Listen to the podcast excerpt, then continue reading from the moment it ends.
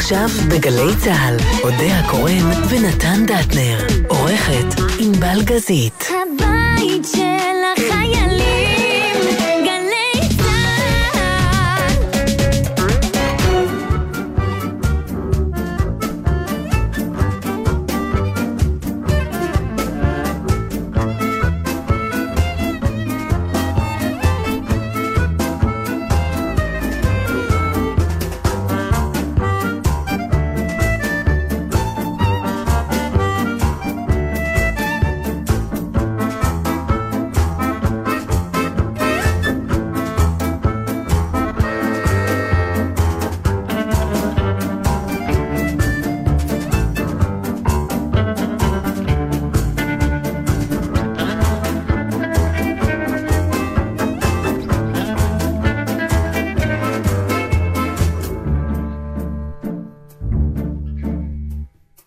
זהו, שלום לכם. שלום. אה, אה, תראו, קרתה פה תופעה עכשיו בא- באולפן. נכנס חייל והתחיל לקפל פה איזה פוסטר מהקיר. זה מין... אה, זה לא פוסטר בדיוק, זה וילון ענק, ש-. גלילה שכתוב עליו גל"צ, הבית של גל"צ, החיילים, כן, גלי בית- צה"ל. גלי צה"ל, הבית של החיילים, וזה בעצם פוסטר סימבולי. שאמורים להצטלם עליו על רקע של אה, שידור בפייסבוק ודברים כאלה, והוא בא לקפל את זה, והבנו שזהו, אולי אנחנו נצטלם. אנחנו צריכים להתקפל. כאילו, אורזים בעודנו משדרים כבר כן, אורזים. מישהו קיבל רמז פה, עוד משהו? מעט אנחנו- ייקחו אותנו עם הכיסאות ויגלגלו אותנו החוצה. משהו שאנחנו לא יודעים, חבר'ה, לא להגזים.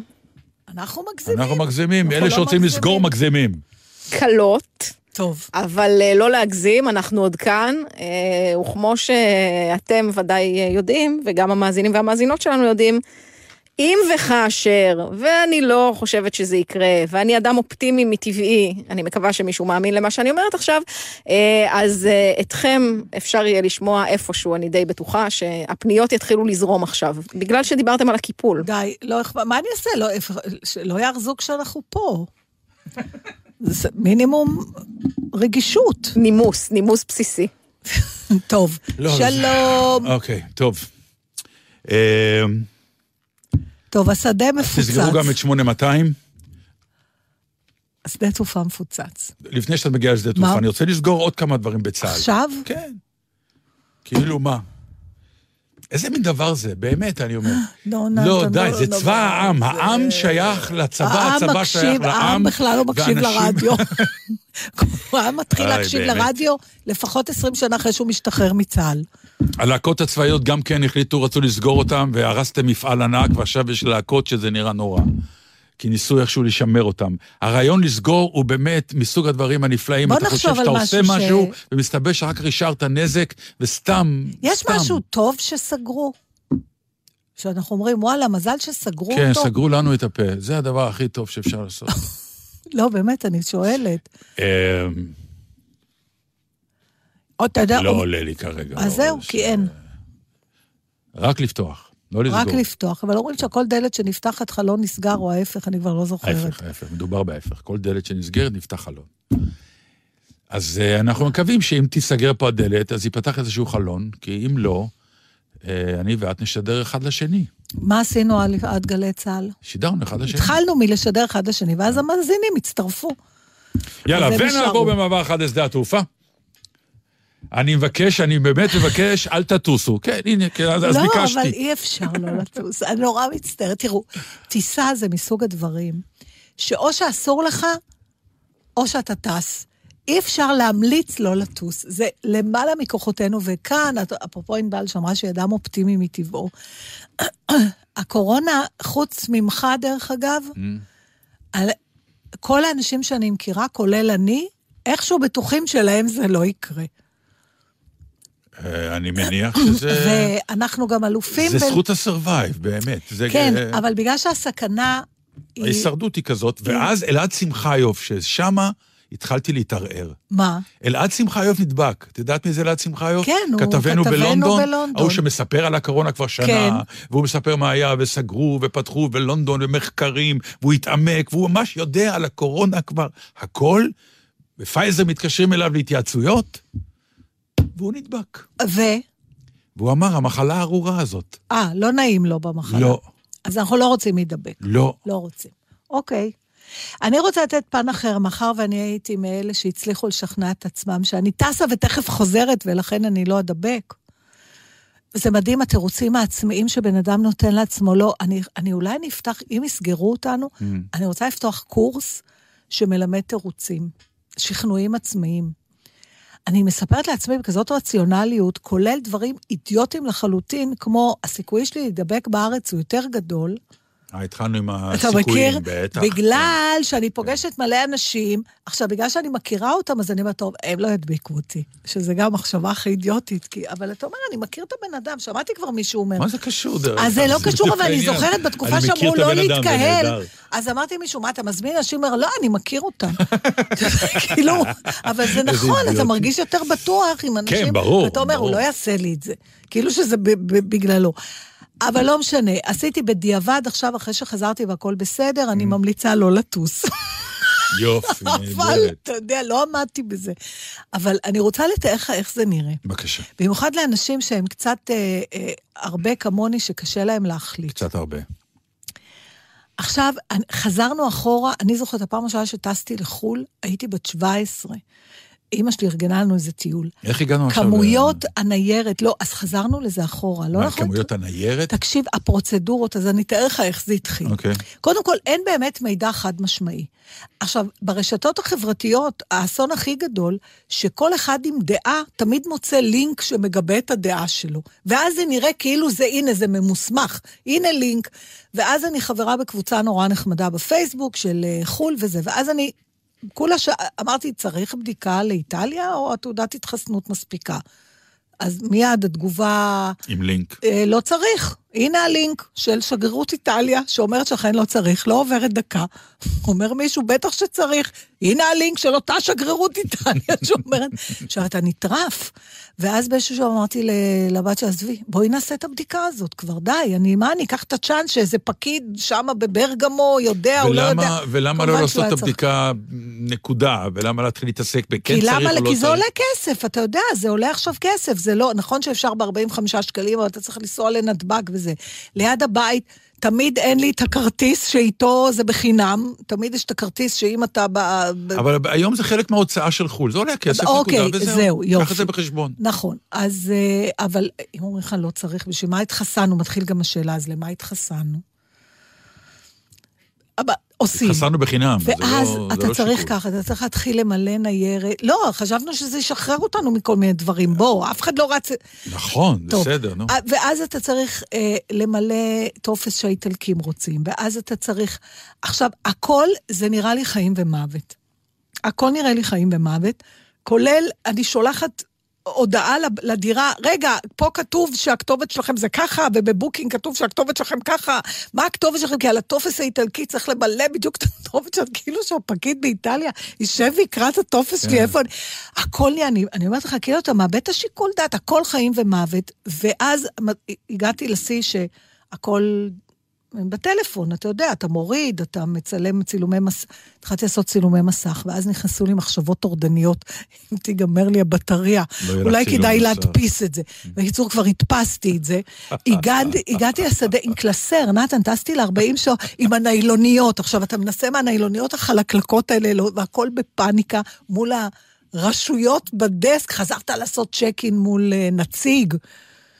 וההפחדות כל הזמן, כן, את טסה עם ריינר, אמרו לי, אבל זה לא ריינר מתפעלים את זה. יש להם חברה אחרת, ויכול להיות שהם כן ירצו את המסמך ההוא וההוא וההוא. קיצור, עד הרזולוציה של תעודת הלידה של אימא שלי מצ'נסטוחובה, היה לי בניילוניות, הכל הבאתי, צילומים שלה. חושבת שהיינו טסים פעם, היה traveler checks, והכרטיס טיסה היה עם איזה שמונה העתקים. כן.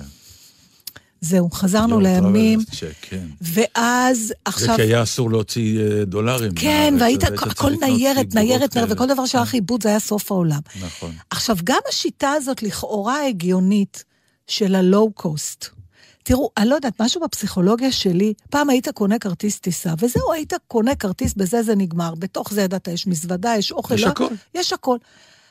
מרגע שאני נדרשת להחליט, אני כבר, כל דבר נראה לי שאולי אני לא צריכה, וגם ככה אני בן אדם שקשה לו להחליט. אין ספור דיונים. Mm.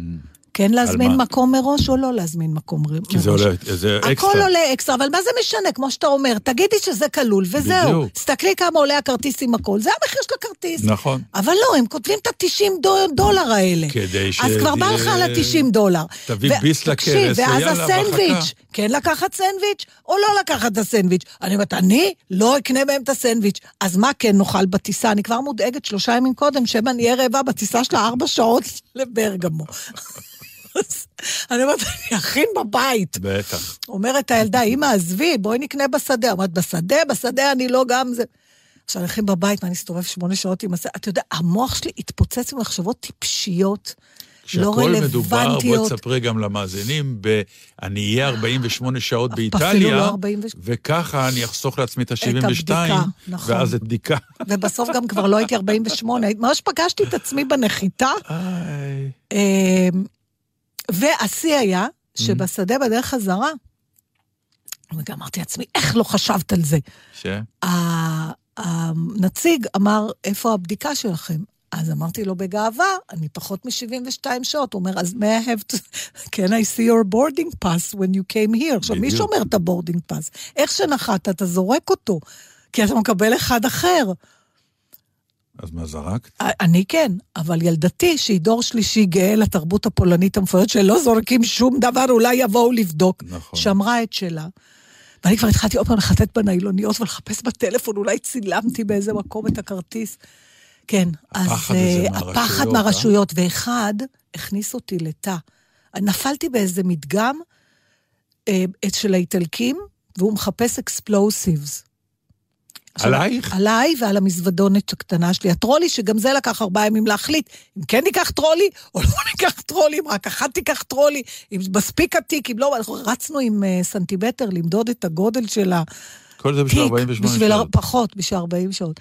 בקיצור, זה, זה פסיכי, וגם הדברת הבלתי פוסקת שלי מול הפקיד הזה, מול האיש ביטחון הזה באיטליה, אני יודעת שאין לי אקספלוסיב. למה אני באיזו התגוננות כזאת?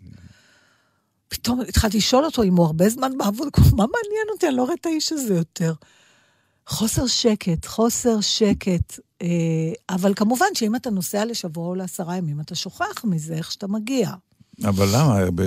מה קורה כשאתה מגיע? אתה גם צריך אה, בבית לא, מלון לך- להיבדק, לא? כל השטויות תראה, האלה. קודם כל, אני יכולה להמליץ, כן, עוד פעם, זה נורא אישי. אני, אם אני צריכה לחשוב על, נגיד שכן אנשים רוצים לנסוע, אני נקטתי בכמה אמצעי זהירות שנראים לי הגיוניים, והייתי ממליצה על זה, אה, כדי למזער נזקים. למשל, לא, עוד פעם, זה אנשים בגילנו, צעירים, אני לא יכולה להגיד להם, אל תלכו למועדון. אבל אנשים בגילנו, קחו דירה ולא מלון. יושבים במסעדה, שבו בחוץ, יש היום בכל המקומות, זה מזג אוויר כן. נעים, שבו בחוץ. אל תיסעו בתחבורה ציבורית. או שתזכרו אותו, או שתיסעו במונית. בכל זאת, אז אתה חשוף רק לנהג, ולא לעוד אלפיים איש שנוסעים. לא יודעת, זה מה שעולה לי בראש. אנשים רוצים לנסוע. או אל תיסעו, מה העניין עם לא הלנסוע? יודעת, זה חוסר שקט כזה. מה העניין עם הלנסוע? אני לא, לא מבין את הפאניקה המטורפת, האובססיבית הזאת של הישראלי לעלות על מטוס, להיות בדיוטי פרי. זה איזה משהו מקדמת דנא, כן, איזה אמונה, כן. שפעם חוץ לארץ זה היה תוצרת באמת חוץ. שאיפה גם. לא כולם היו בחו"ל. אני כל כך אוהבת דייל או לנסוע. דיילת היו סלבס. נכון, זה היה היו- מקצוע נחשק. מה זה נחשק? היו דוגמנים, כולם יפים להיות דייל? ויפות. אני שלחתי את סמדר, רציתי להיות, אשת אה, בעל רציתי להיות בעל דיילת. אז היא הגיעה, היא התחילה את הקורס. נו. בזמן הלימודים, היא אמרה, וואלה, אני. אעשה זה. נו, נו, אני לא רוצה להשמיץ עכשיו אה, כל מיני דברים. אה, אה, She was overqualified לה. חבל, יכולת להיות ראש ממשלה. חבל מאוד. אם הייתה ממשיכה כן. עם זה. לא, מישהו אחר היה ראש ממשלה. היה תופס אותה במטוס. אני... אבל אני אומר, האובססיה לא. הזאת באמת, אה, היא... היא אני היא- לא רוצה היא לקרוא לזה... היא אפילו, אה, נתן, פריפריאלית. אני לא רוצה לקרוא לזה לא, אני אגיד לך אובססיה. גם מאיפה- זאת מאיפה היא- כמיהה. אה, כן, בסדר. זה גם אה. נובע מהעובדה הפשוטה, הפשוטה, שחוץ מנמל חיפה, שזה כלום, זה השער היחיד שלנו לחוץ לארץ, כי אנחנו מוקפים אויבים. אנחנו לא כמו חבר'ה באירופה שלוקחים אוטו. ויכולים לנסוע. אז אין להם שדה תעופה, הם פשוט נוסעים, ופתאום משתנה להם התמרורים והם מתחילים לדבר בשפה אחרת. אבל אצלנו משהו בלעוף מפה, הלעוף מפה, אני רוצה לעשות חיים, כאילו בחוץ יש חיים ופה אין.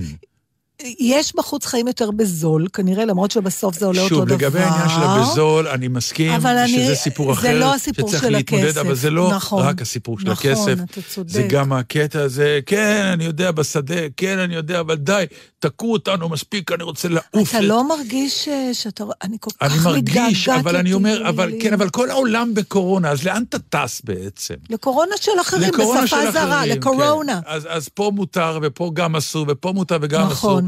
כאילו, אני אומר, אני לא טס ללונדון עד שלא יהיה אפשר לראות הצגות. אין מה לטוס, אין לי מה לעשות שם. לך אין, אבל יש אנשים שאוהבים את לונדון לא בשביל ה... למה? למה? אני לא יודעת, אני לא לא, מאלה. אני, אני מתכוון, כל, כל uh, אתר תיירות באופן עקרוני, שהוא המוני, אז הוא בטח מאוד מאוד מאוד מסובך.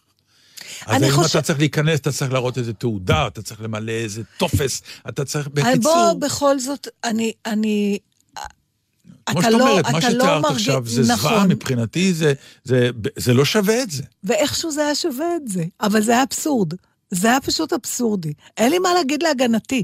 נכנסתי אבל לאיזה לא, צורך אז, בגלל שזה היה- הייתה יום הולדת של הבת שלי, אבל אני כבר אני לא גם בטוחה חושב שזה שזה... תירוץ. אני לא חושבת שזה בדיוק, זה גם אולי היה זה היה תירוץ, כן, תירוץ. תירוץ מצוין. זה יום הולדת של הבת שלי, כבר הרבה זמן לא ראיתי אותה, היא נמצאת אתה מחוץ לא- לבית. לא חסר לך בכלל? זה חסר לי, באמת שזה חסר לי. אז איך אתה מתמודד עם אני זה? אומר, אני, אני, עד שאני לא יודע שאני טס והולך לבלות, סתם, אין לי מה לטוס. אבל אנשים מבלים, אם אתה נוסע לאיזה כפר על יד כן. הים, או אתה לוקח אוטו ומטייל בקאנטרי של איזה מקום. כן, ואז אתה נכנס וגר באיזה פונדק, שגם שם אתה נכנס לחדר אוכל, ואכלת אותה. נו, ופה, פה אתה יותר מסתובב. אין יותר קורונה בחוץ מאצלנו, חוץ ממדינות מסוימות. בסדר, אז... אז אתה אומר, זה פה אני מכיר את האנשים א', אני שמדביקים אותי. מכיר את האנשים, זה, בעברית, וזה... ואני גם לא... אוי, מה- אלוהים, אנשים, מה נעשה עם האופי האנושי הזה? הלוואי והיינו מחשבים. ולא היה לנו את כל ה... את התולעים האלה שמכרסמות לנו בראש. יודע קורא נתן דטנר אלבל גזית.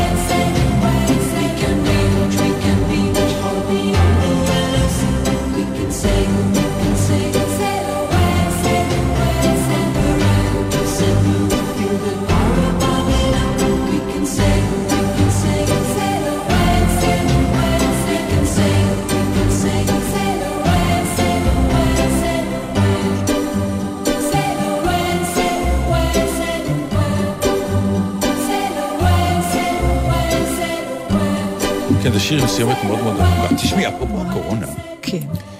אמ, הולכת להיות בעצם אה, אולימפיאדה שתיכנס להיסטוריה. נכון, חשבתי כי זה על זה. דבר מטורף לחלוטין. זה לא היה אף פעם. שאולימפיאדה שלמה כולל טקס הפתיחה. טקס הפתיחה. שזה מבחינתי גם, אני זוכר שזה תמיד האירועים שאתה אומר, אני חייב להיות בבית, בטח שזה יפנים או סינים, שזה שיא הדיוק ושיא הפנטזיה המופלאה, מול יציאים ריקים ללא קהל. זה כל כך ישנה, כי הלוא גם זהו. אתה ראית את זה בטלוויזיה. אז. עכשיו, קודם כל כן, בטוח שזה ישנה. למה הדבר דומה? בעצם, אומרים לך מחר, בואי תעשי הצגה בתיאטרון שאת עובדת בו, כן. נשדר את זה בשידור חי למי שחובב תיאטרון בחוץ, באולם אין איש, זה לא אותו דבר. נכון? וזה מה שיקרה, אבל וזה זה מה לא אותו שירגישו, דבר, זה אותו נתן. דבר. אני לא... זה לא אותו דבר, כי התיאטרון לא מתקיים אם אין קהל. זה שאתה עומד ומשחק ברור. על הבמה זה רק חצי מהמשוואה. בשביל שזה יהיה תיאטרון, מישהו צריך לשבת מולך לייב ולצפות בך. בספורט זה מחייב? לא, ספורט זה לא עניין שמחייב. התחרות בין האנשים, מה זה משנה? התחרות היא בין האנשים, אבל הקהל בעצם יוצר... נכון, הוא נותן אנרגיה, אבל יוצר הוא את לא האנרגיה. הכרחי להתרחשות האירוע. נכון, הוא התבלין שלו. נכון. תיאטרון אין אוכל אם אין קהל, זה לא, אין, התבשיל לא, לא, אבל אומרים לך, קורה. לא, אבל זה, זה, זה קצת בלוף מסוים. כי על פניו, כשאת עומדת על הבמה, את יודעת שצופים בך עכשיו לא, נגיד מיליון אה, איש. לא, אז זה קולנוע. לא, אני מדבר על ה... לא. אני לא יכולה כשאת לעמוד... מצלמת סרט, את לא עסוקה ב... שצופים בך מיליון אבל איש. למי אני... למי... אה, את יודעת שצופים בך כרגע. איפה הם? הם לא באולם. לא, אז זה לא תיאטרון. ברור זה- שכן. לא. מבחינת... לא. בטח זה לא, כי זה כמו נעל בלי סוליה, לא יודעת, זה לא הדבר, זה לא המוצר, זה משהו, אני לא יודעת מה זה, אבל לא, זה לא... ברגע תיאט- שזה קורה איך על שאני- במה... לא, אני לא חושבת שהבמה יוצרת. אבל יש קהל גם. איפה הוא? זה בדיוק מה שגם הספורטאי שואל. לא. איפה הוא? לא נכון. לא נכון, כי א- אני לא, לפחות, עוד פעם, אני לא ספורטאית, אבל אני עדיין... אה, זה נכון שהוא מאבד משהו, אבל המשחק עצמו זה מתקיים. אווירה של אימון. זה אווירה של אימון, תראי, זה... זה אה, אתה חושב, רגע, זה מעניין, אתה אומר, זה מוריד את זה מדרגה של... מדרגה של תחרות ה- מטורפת. ברור שהקהל הוא... הנוכחות הוא- הפיזית של הקהל, בוודאי, מה... היא זאת שיוצרת... תשאלי את- כל ג'ודוקאי, כל זה, זה ברור שהוא עולה על הזירה. וצועקים לו את השם, ואל אל ישראל, והוא רואה את הדגל. אני- הוא אני- חוטף את הבז הבא. אני מבינה שזה מוסיף, אני לא מתווכחת עם זה, זה ברור לי. השאלה היא לא השאלה אם אם זה- בלי זה, אתה אומר, בלי זה זה גם לא תחרות, זה כמו תיאטרון, זה אימון. זה סוג של אה, אימון מאוד משוכלל מול יריב מאוד גדול, כן, אבל זאת האווירה שתהיה. זאת האווירה, זה הולך ואתה להיות משהו בבית- מאוד מוזר, מאוד ואתה מוזר. בבית חושב שאתה תחוש בהבדל, כן. למרות שככה אתה יושב מול המסך וככה אתה יושב מול המסך. נכון, אני אשב מכיוון שאני אוהב ספורט, ואולימפיאדה כן. זה אירוע מרהיב בעיניי. אה, רוח אדם באמת בלי קלישאות. אה, אה, וזה נורא מעניין כמה זה יפגע בהישגים. מצד שני, ספורטאי שעובד כל כך קשה, אני מניח שיבוא ויגיד, חבר'ה, לא מעניין אותי אם יש קהל או אין קהל, זה הרגע שלי, זה, כי אתה עובד נורא קשה לעשר שניות של בכ- אירוע. בכל תחרות ספורט שהיא בעולם, תמיד, אני מדברת ברמות הגבוהות, תמיד יש קהל תמיד לייב, יש קהל, תמיד. תמיד, תמיד. תמיד, אי אפשר. אוקיי. אה, לא, בכלל, אה, אה, לא עולה על הדעת לעשות בלי. לעשות אירוע בלי קהל שהוא תחרותי, נקודה. אחרת זה באמת אימון. אימון טוב, אימון לא טוב, לא משנה. לא חשבתי על זה ככה, זה מעניין, כי אני חשבתי שהקהל הוא אקסטרה של הדבר, הוא כמו עוד תוספת על הפיצה. ואתה בעצם אומר, לא, אם אין קהל, אז זה אירוע אחר, זה לא התחרות. דרך אגב, באות- באותו נכון, עניין, ותמיד הי- היה קהל, גם ביוון. ברור. נכון. המציאו את זה בשביל קהל. נכון. אז... דרך אגב, היה איזה משהו שראיתי על הקולוסיאום, אפרופו יוון ורומא העתיקה. מסתבר שהיו ממלאים את הקולוסיאום במים, את יודעת את זה? ברומא? כן, הקולוסיאום? שישנו ברומא, כן. היו ממלאים את כל הזירה במים, כן. והיו עושים קרב של ספינות. בקולוסיאום. באמת? כן. לא שמעתי על דבר לא, אני, אני ראיתי כתבה בטלוויזיה, אומר? בערוצי היסטוריה, כן. אני גם, אני נדהמתי מהרעיון, הם עד היום בודקים איך המים לא זלגו ב, אבל מה זאת באירוע. אומרת, עד שספינה טבעה? כאילו, כן, היו עושים כמו שהיו קרבות גלדיאטורים. כן, זה אני יודעת היו שהיה. קרבות נגד חיות. וגם ספינות. אז שמו נגיד שתי ספינות, אנשים על הספינות, והם נלחמו. תקשיבי, לא היה טלוויזיה, זה היה הבידור. היית קם בבוקר והילד אומר, אני רוצה בידור, אני רוצה בידור. היה אומר לו, בוא, היום נלך לקולוסיאום ונראה שתי ספינות תראה, נלחמות. אתה יודע, זה אפרופו מה שדיברנו, מה היה פעם, מה היום, אז זה פתאום כשאני חושבת על מה שאתה אומר, יש תחומים מסוימים שהומצא, שאי אפשר היה לצרוך אותם, אלא אם כן אתה בא כקהל לראות אותם. זאת אומרת, הקהל הוא חלק מהמשוואה. ובמובן הזה, אם זה ספורט, אם זה תיאטרון, אם זה... לא יודעת איזה עוד, אה, אוכל, היום אתה יכול לצרוך תחרויות אוכל גם כשאתה יושב בבית ואתה לא אוכל את האוכל אגב, זה שלהם. באמת אחד הדברים הכי, במאמר מוסגר, אני אומר, מדהים אותי הרייטינג של הדבר הזה, מכיוון שכשיש תחרויות שירה, גם אתה בבית שופט. נכון. כי אתה שומע את השיר. נכון, אבל- ואתה אומר לאשתך, הוא לא זמר, הוא כן זמר. זה. אתה מסתכל על תוך תחרות, שאין לך שום נגיעה למוצר, והחוש- וזה רק... ההבעות ומה נכון. יגידו והתגובות. אתה רק רואה דרמה ואין לך כי מושג. החוש ש... של הטעם לא שאותו עובד. צריך בשביל לשפוט, אתה לא יכול אתה לא להשתמש מסוגל, בו. אתה לא משתמש בו, ולמרות הכל, זאת- זה מצליח בכל העולם, אז זה אני מטורף. חושבת שאולי הגיע הזמן לבדוק אה, האם זה באמת אותו דבר. ויכול להיות שיש דברים שאי אפשר יותר לעשות אותם אם הקהל לא יושב פיזית, כי זה לא הדבר עצמו. אבל זה בדיוק מה שאני מנסה להסביר לך. שעכשיו הסימולציה היא, ואני אומר לך, אם הייתי עושה הצגה בתיאטרון, והאולם היה ריק, אבל הייתי יודע שבזה הרגע יש בחוץ מיליון איש שצופים בי, הייתי נכנס לזה. בלי שום בעיה. אני לא בטוחה שאני הייתי מצליחה. אני לדעת... עשית את זה בזום בזמן הקורונה. נכון, וזה היה מה? מאוד קשה, מפני שהייתי קשה, אבל- עסוקה, אני אגיד לך מה היה קשה. מה? יש כמובן את העובס שאתה לא שומע את התגובות של האנשים. נכון. ובמיוחד כשעושים אה, משהו שהוא קומי, מבחינתי שהצחוק של הקהל הוא חלק מהטיימינג של המופע, זה בכלל, זה משהו נורא. אבל גם הייתי עסוקה... נורא, אבל לא, לא בלתי אפשרי. זה אפשרי. אפשרי, אפשרי, אני לא עובדה. רוצה להגיד לך איזה השוואה יש לי בראש עכשיו, אבל היא אני לא אומר שזה- קשורה לימי נעוריי, כש... בוא נגיד, עולם הסטוצים, כן. אפשרי, אבל אתה קם בבוקר ובא לך למות. זה אבל כאילו עדיין הסטוצים מגעיל. עד היום ממשיכים? כן, אבל- ברור שזה טעם מגעיל, אני לא אומר שזה חלופה מופלאה ונהדרת. וזה מה שיקרה זה גם ב... לא- זה באמת- זה זה- גם מה שיקרה עכשיו באולימפיאדה, תהיה חלופה מאוד... את יודעת, בהתחלה שהתחילה בזמן הקורונה, הכדורגל בלי הקהל, היה מאוד מוזר. כי שמעת גם פתאום את הצעקות של השחקנים, הו, הו, ואתה שמעת את הצעקות של המאמנים. ואז מה עשו? את יודעת מה עשו? שמעתי ששתלו משהו וירטואלי. שתלו את הקהל, כי אי אפשר היה לסבול את זה. כי באמת, זה סאונד של אימון. כשהיית בא לאימון, היית שומע את השחקן, משה, מסור, מסור, מסור. עכשיו, זה מסוג הדברים שהוא צועק גם במשחק. ומכיוון שיש קהל והכול, אנחנו לא שומעים את זה. וכל תחנות השידור הבינו שבלתי אפשרי לעמוד בזה, והם דחפו את הסאונד הזה, חלק בהברקות ממש דחפו לפי מה קורה במגרש, וחלק שמו, פתאום אתה שומע בואו, אתה אומר, לא קרה כלום, למה הם עושים אתה בואו? יודע, זה מצריך אה, גם אותך כצופה בבית, כן. לשים על עצמך עוד איזה חליפה. כי, ולהגיד, אני, אני כן אנסה לדמיין שיש שם קהל, או שאני הקהל, כדי בכל זאת גם אתה כבר להרגיש עושה משהו סרט- מההתרגשות, דמיון בדיוק. מודרך, דמיון כאילו. מודרך.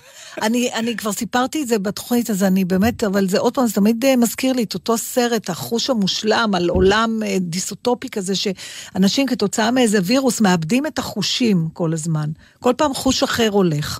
פעם הראייה, השמיעה, כן. אבל בכל זאת האנשים ממשיכים להתארגן סביב החיים, כי זה החיים, ואז החיים, כן. הגיבור שהוא שף, כן. פותח מסעדה בדיוק שחוש הטעם איננו, אז שם אומרים לו, מה אתה עכשיו פותח מסעדה? כאילו, באמת, מה אנשים, הוא אומר, הם יבואו, הם יבואו כי הם רוצים את החוויה של המסעדה. הטעם של האוכל הוא חלק מאוד קטן מהחוויה של המסעדה. ויכול להיות שגם אה, בספורט זה יהיה ככה, אני לא יודעת.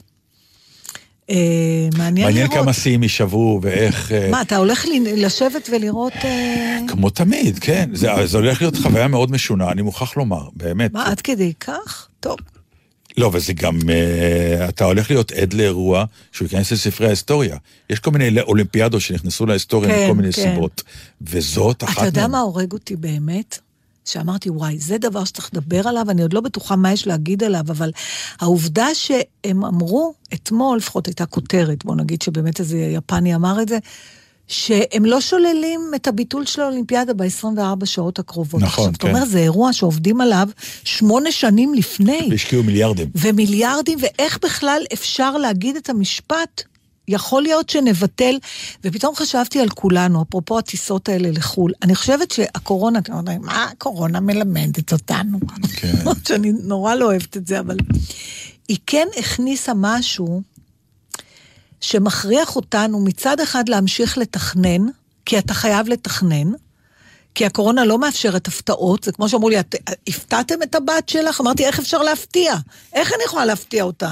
היא צריכה לדעת שבאים שלושה, אין, איך? כן, ברור. עם כל הטפסים וה... אתה יכול להפתיע, ואז אתה מדביק אותה אתה- בקורונה. כן, אתה לא... אז, אז צריך כן לתכנן. מצד שני, אתה חייב להיות ערוך בכל רגע נתון לביטול מוחלט של כל מה שתכננת.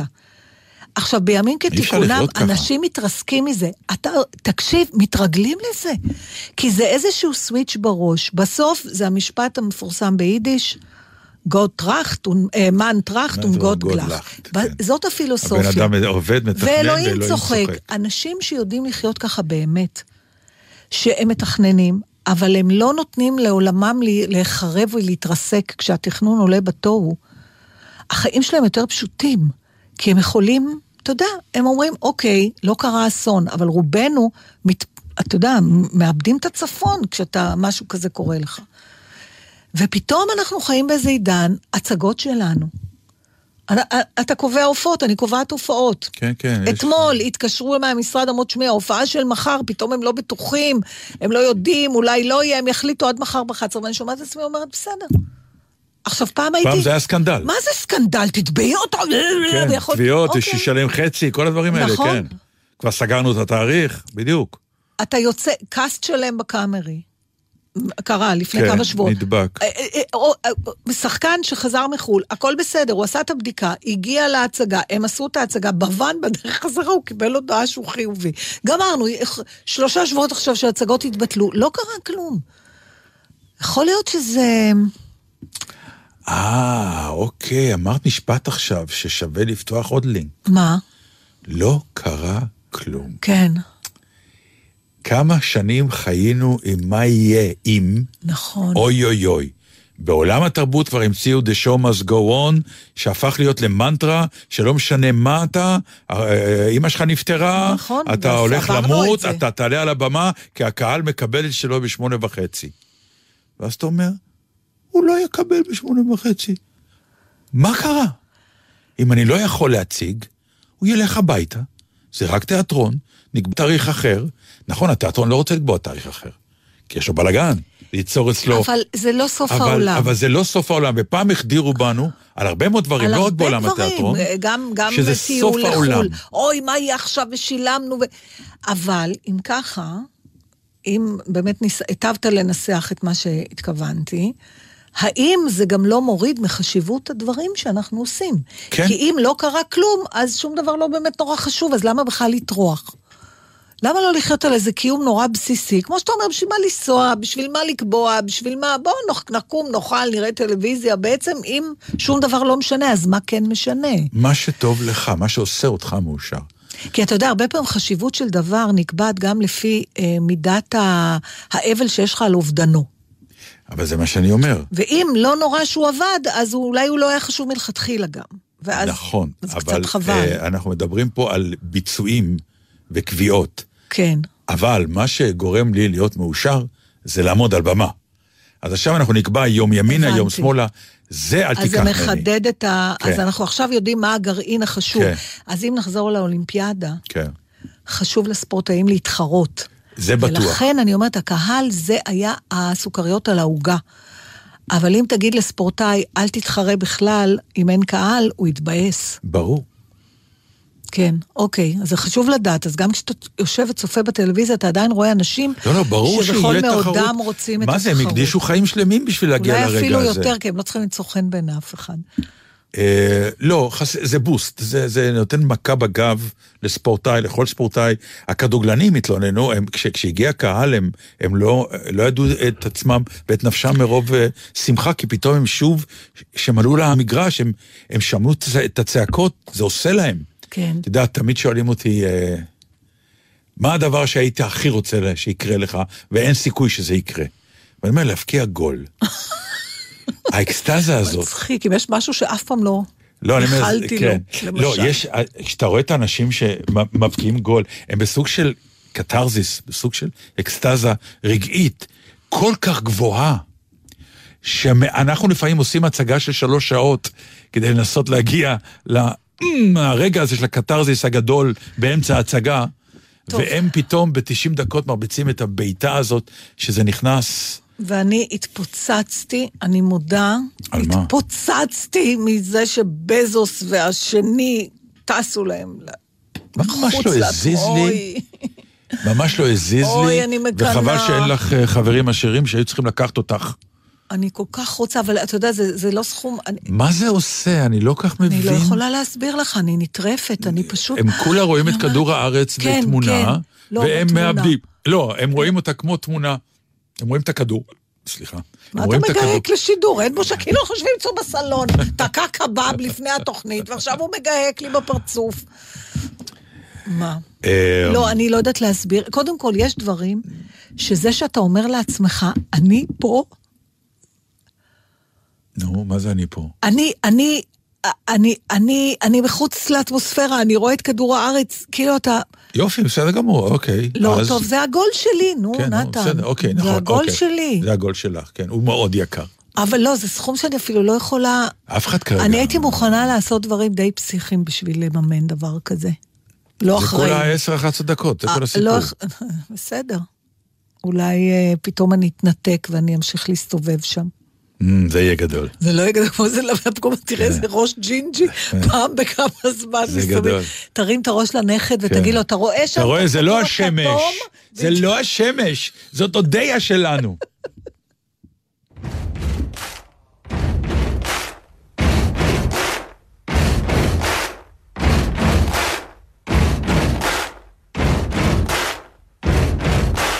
Buddy, you're a boy, make a big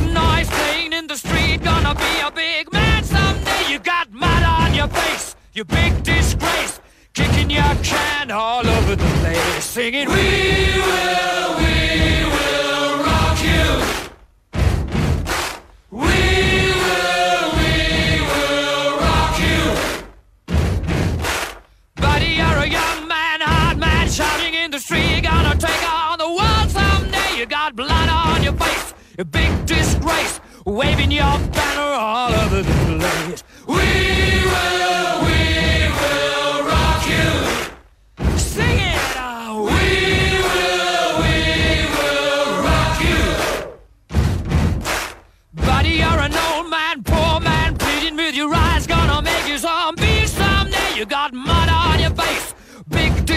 Somebody better put your bag into your place. We will, we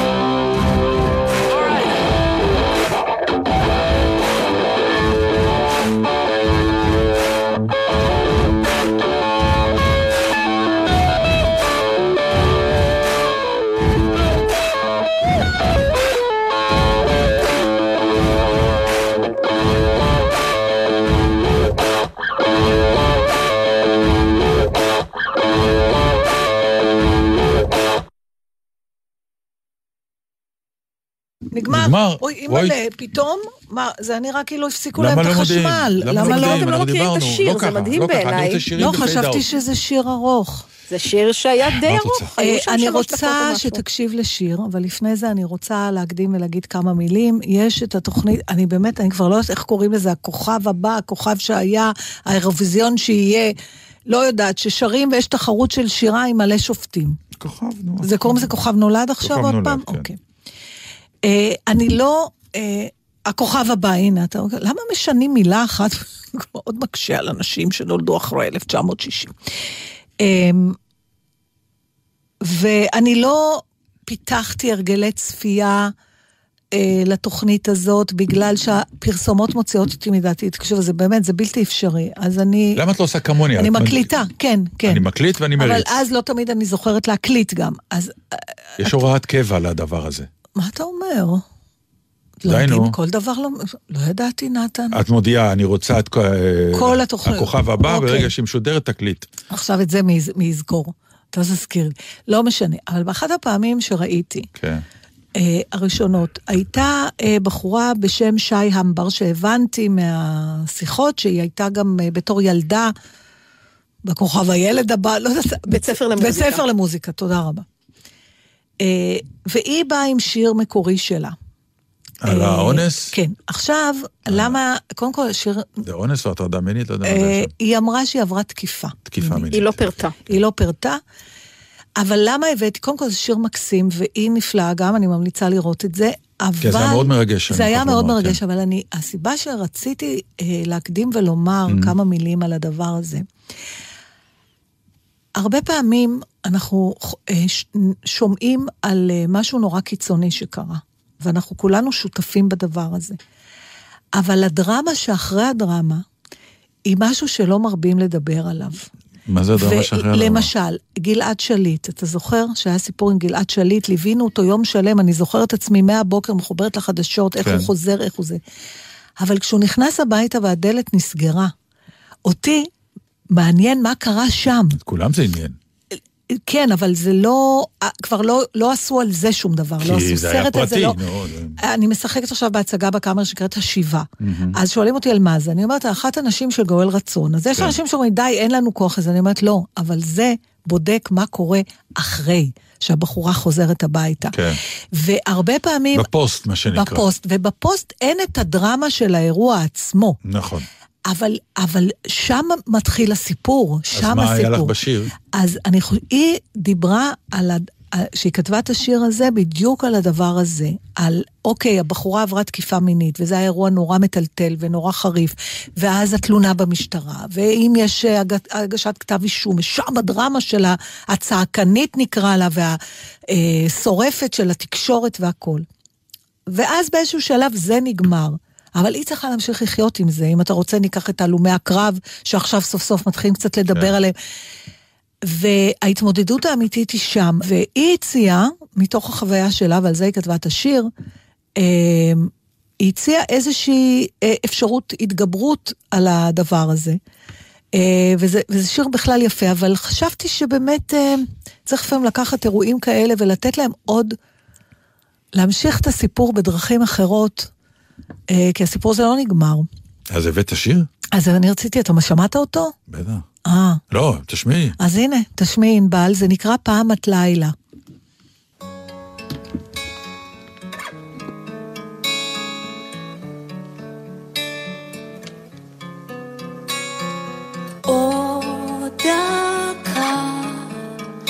משהו יקרה כאן, עצב יהפוך לים בשנייה, שמש תעלה בך, ארץ מתוך החורבן, קחי לך זמן, תני לגוף למתוח, קו בין סוף להתחלה.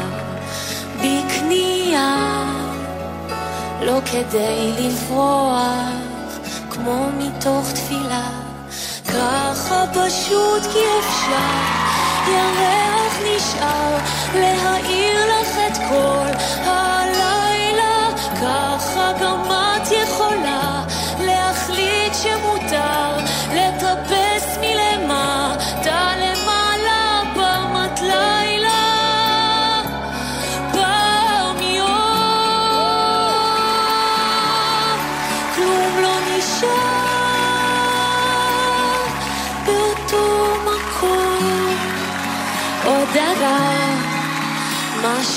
יקרה לך, משהו יהפוך הכל, כל מילה שכתבת בחושך תהפוך לאור גדול.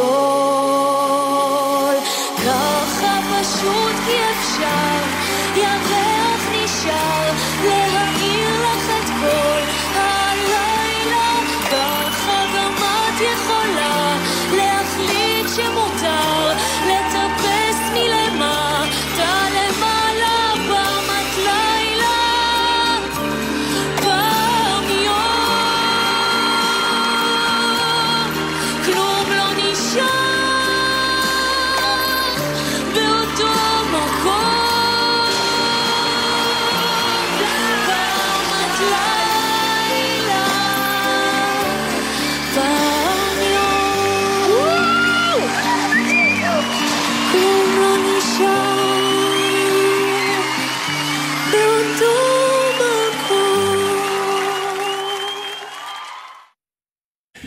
יפה. אה, זה מאוד מוזר גם העניין הזה של המחיאות כפיים שהם דוחפים אה, בשירים כדי, מה שנקרא, להראות שהתחרות והקהל, נו, הנה, זה ופה- הקהל שדיברת עליו. ופה דחפו, לא, זה קצת, הם, אה, הם נותנים להם הוראות לפעמים למחוא כפיים לקהל, ופה באמת, זה כמו שאני לא אשכח, היינו באיזה אירוע לשירי אריק איינשטיין, ומישהו ראיתי עומד עם טלפון, זה היה כזה בפארק, והוא אומר, חבר'ה, אתם מוכרחים לבוא, אני תוכי יוסי, וזה אחלה, מה אחלה, אחלה אירוע. ככה. אני צרחתי, כאילו הוא רצה לעודד אותם. והוא מחא כפיים, נתן על זה קצב. אני תוכי יוסי. שיר על מוות. לא.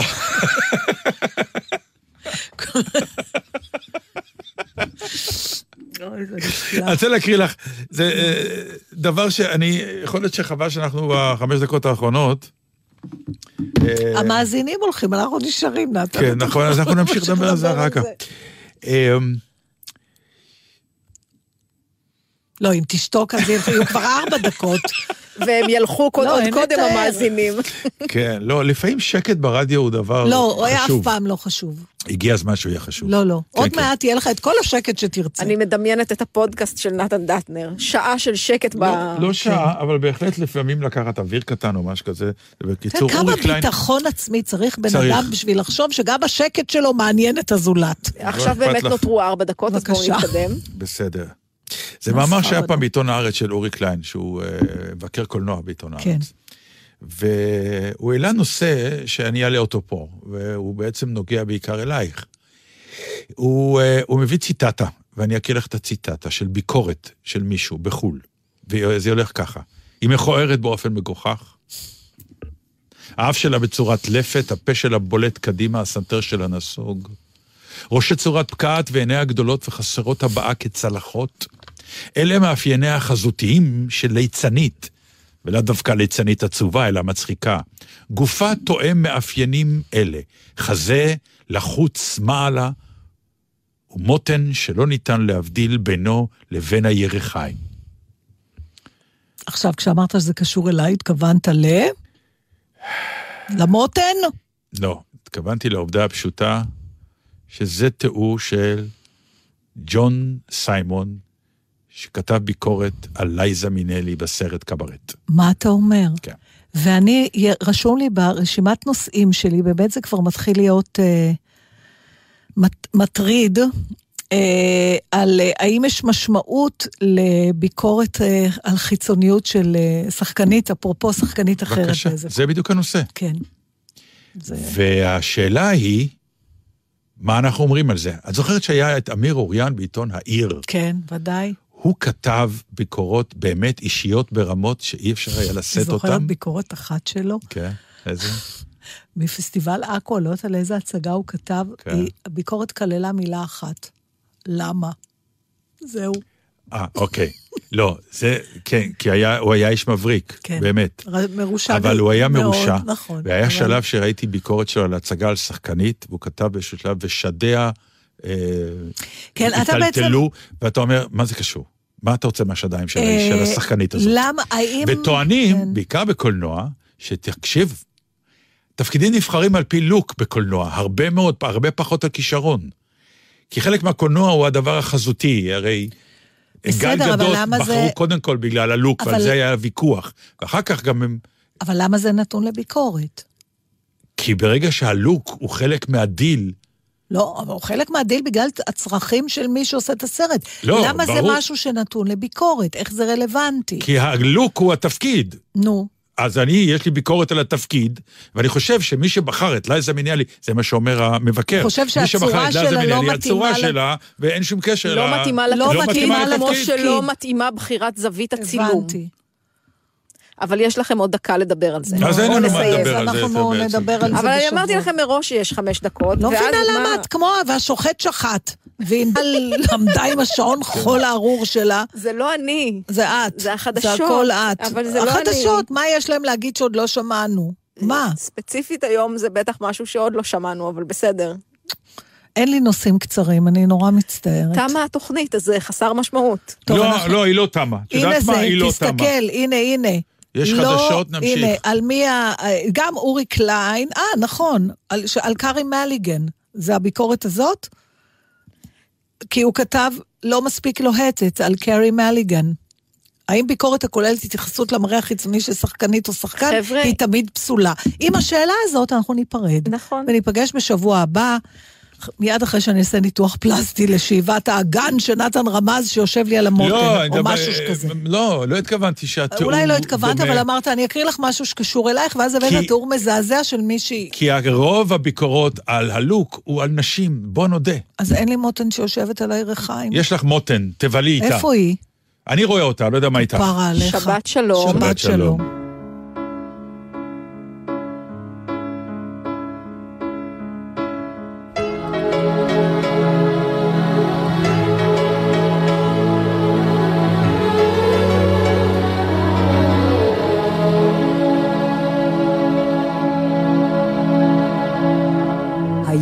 עלם שחור עיניים ואני ילדה. הקשבתי לדבריך ושמעתי אגדה. בחליל בתוף ובמצלתיים העולם נבנה. בשירים חולמים שנה אחר שנה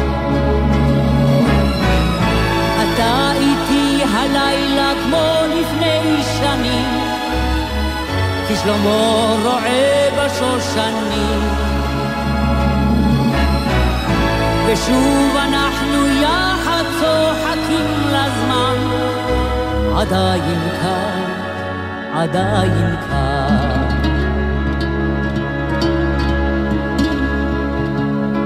ידענו סער ומבול וחילופי עונות ואת אהבתה של הנבה שבבנות החליל צלול והד מסלע שוב עונה אמן. ושירנו הישן עוד מתנגן. הלילה כמו לפני שנים כי שלמה רועה בשושנים. ושוב השבוע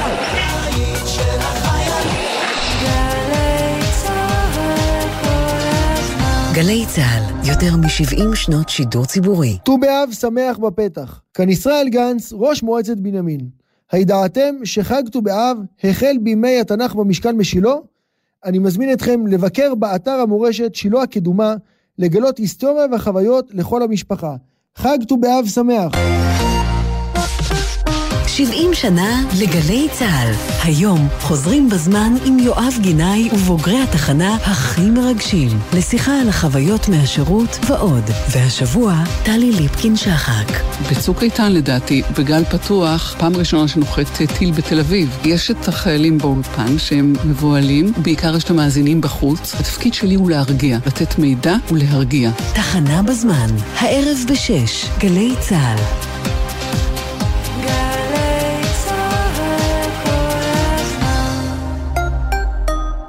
שאלות אישיות.